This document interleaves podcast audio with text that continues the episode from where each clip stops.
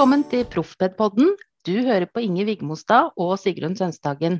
Vi skal snakke om den spesialpedagogiske tiltakskjeden, som er beskrevet i veilederen for spesialpedagogisk hjelp i barnehagen og veileder for spesialundervisning i skolen, som begge fungerer som en fordypning og presisering av lovverket. Vi kommer til å bruke begrepene barn og elev om hverandre, og opplæringstilbud om både det som foregår i barnehage og skole. Det skjer jo mye læring på begge disse områdene. Ja, så er det jo slik at Den spesialpedagogiske tiltakskjeden den består av seks faser og trer i kraft når pedagoger eller foresatte har bekymringer rundt opplæringstilbudet i barnehagen eller skolen. Den første fasen kalles bekymringsfasa, noe som kanskje bedre kan omtales som førhenvisningsfasen, fordi den beskriver nettopp den aktiviteten som skal foregå før en eventuelt henvisning til PP-tjenesten. Og hvordan handlingsrommet i den enkelte kommunen blir utnytta, påvirker, påvirker, jo i stor grad hvordan denne prosessen blir. Men før vi skal snakke mer om handlingsrommet, så kan ikke du Inger si litt hva den førhenvisningsfasen innebærer?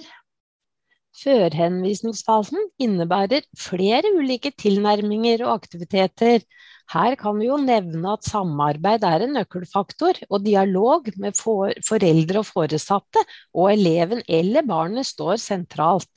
Tidlig innsats er et aktuelt begrep i denne sammenhengen, noe som betyr å fange opp og følge opp. Og eksempler på dette er veiledning og kartlegging med f.eks. pedagogisk analyse. I denne fasen skal alle muligheter for tilrettelegging, omdisponering og utnyttelse av ressurser bli vurdert og prøvd ut. Vi kan også si at kartlegging og utprøving av tiltak og dokumentasjon av dette blir sentralt i denne fasen, og det gjelder å se alle mulighetene. Ja, så Det betyr det da, Inger, at hvis tiltak er prøvd ut en periode, og så tenker både foreldre og skolen eller barnehagen at det her har jo egentlig ikke virka slik vi hadde tenkt. Hva skjer videre da? Ja, da kommer henvisningsfasen, hvor PPT blir involvert for å bidra med veiledning og en sakkyndig vurdering hvis det viser seg å være behov for det. Den kan eh, bestå av både ja, en utredning og tilråding, og munner ut i en anbefaling som det skal fattes enkeltvedtak ut fra. Kanskje du kan si litt mer om uh, selve henvisningsprosessen? Ja, for det som både, altså begge veilederne beskriver, så er det jo viktig med en pedagogisk rapport som skal følge henvisningen til PPT. Og der skal det gjøres rede for barnets sterke og svake sider, og det skal beskrives hvilke tiltak som er prøvd ut, og effekten av de tiltakene.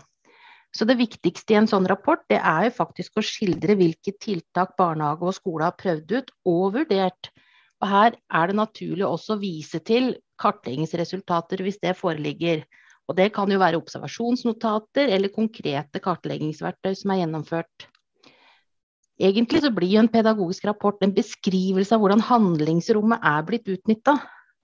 Og rapporten har jo en dobbeltfunksjon, for den skal også beskrive eh, hva som er gjort, slik at PPT kan vurdere på en best mulig måte hva som skal gjøres videre av kartlegging, utredning, veiledning.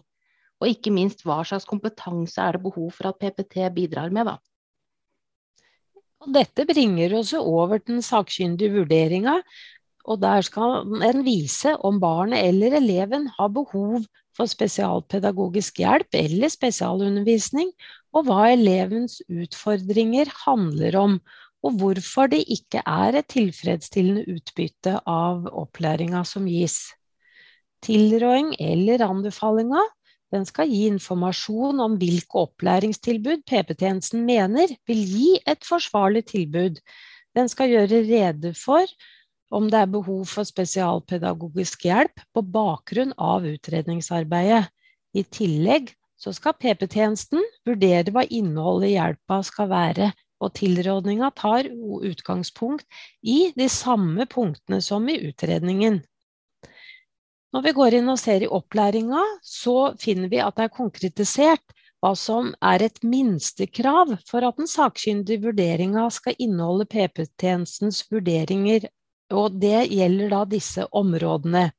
Elevens utbytte av den ordinære opplæringa, elevens lærevansker og andre forhold som er viktige for opplæring, elevens realistiske opplæringsmål, muligheter innenfor den ordinære opplæringa og opplæring som gir et forsvarlig opplæringstilbud.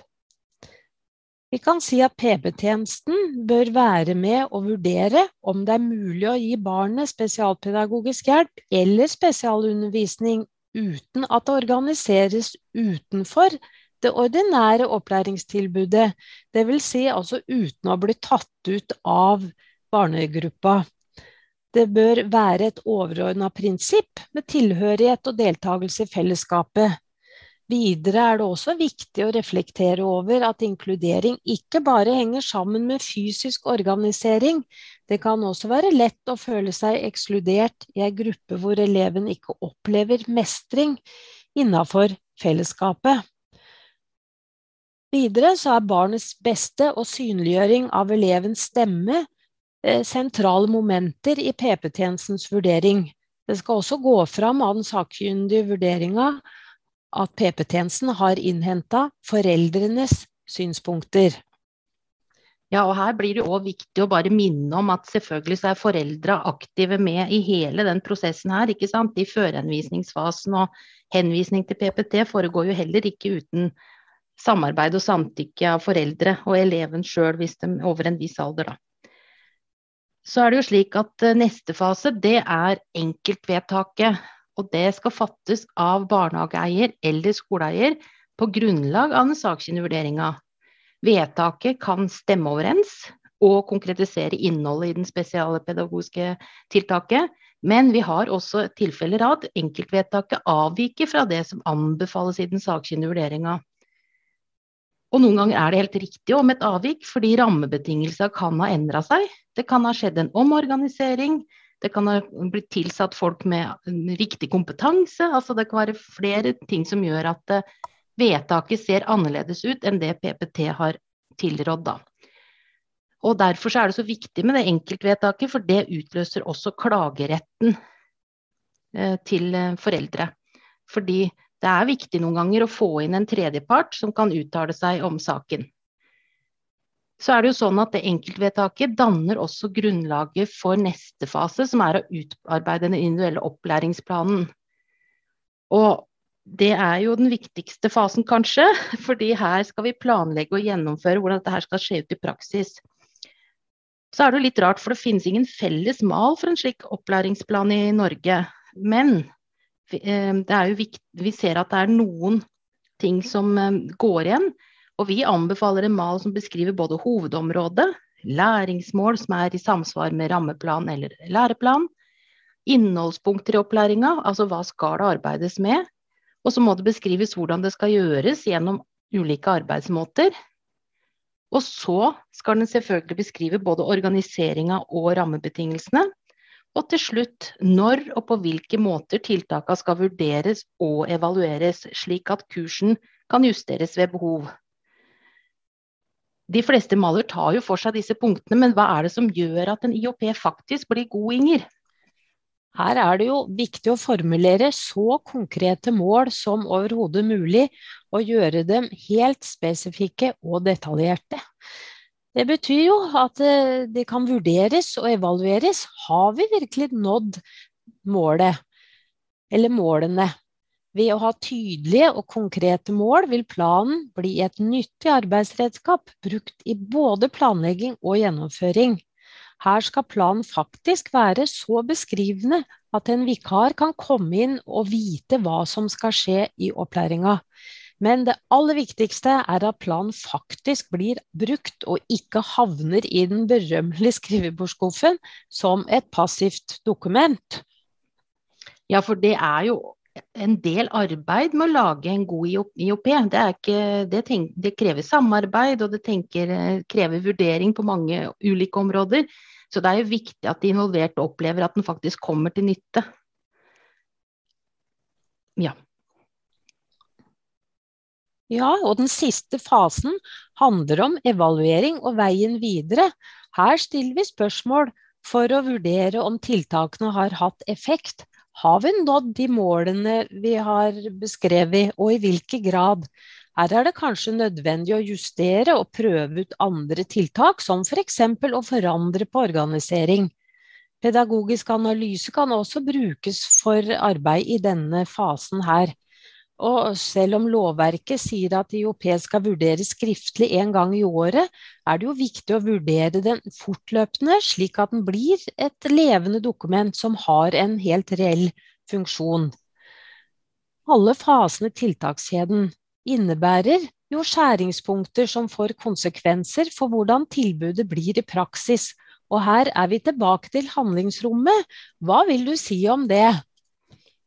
Jo, veilederne er jo veldig tydelige på at handlingsrommet skal utnyttes før det vurderes at det skal henvises til PPT.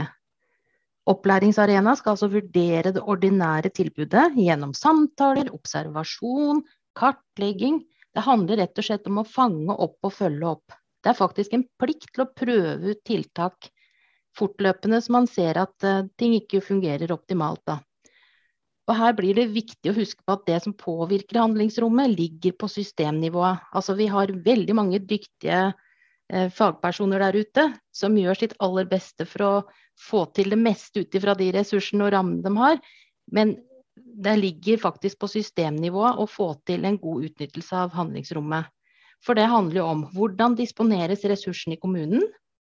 Finnes det systemer for kartlegging og veiledning i førundervisningsfasen? Og her handler det jo om inkludert samarbeid med andre hjelpeinstanser. Finnes det tilstrekkelig kompetanse i kommunen? Prøves det ut forskjellige former for organisering og arbeidsmåter? Og blir det prioritert kompetanseheving og systemarbeid på kommunalt nivå? Systemarbeid det er jo avgjørende for å få til tidlig innsats i praksis, noe som er viktig uavhengig av alderstrinn. Spesialpedagogisk kompetanse blir derfor en helt avgjørende faktor for å kunne utnytte handlingsrommet på beste måte. Ja, takk for at du hørte på Proffpedpodden. Du har hørt på Inger og Sigrun som har snakka om den spesialpedagogiske tiltakskjeden og handlingsrommet.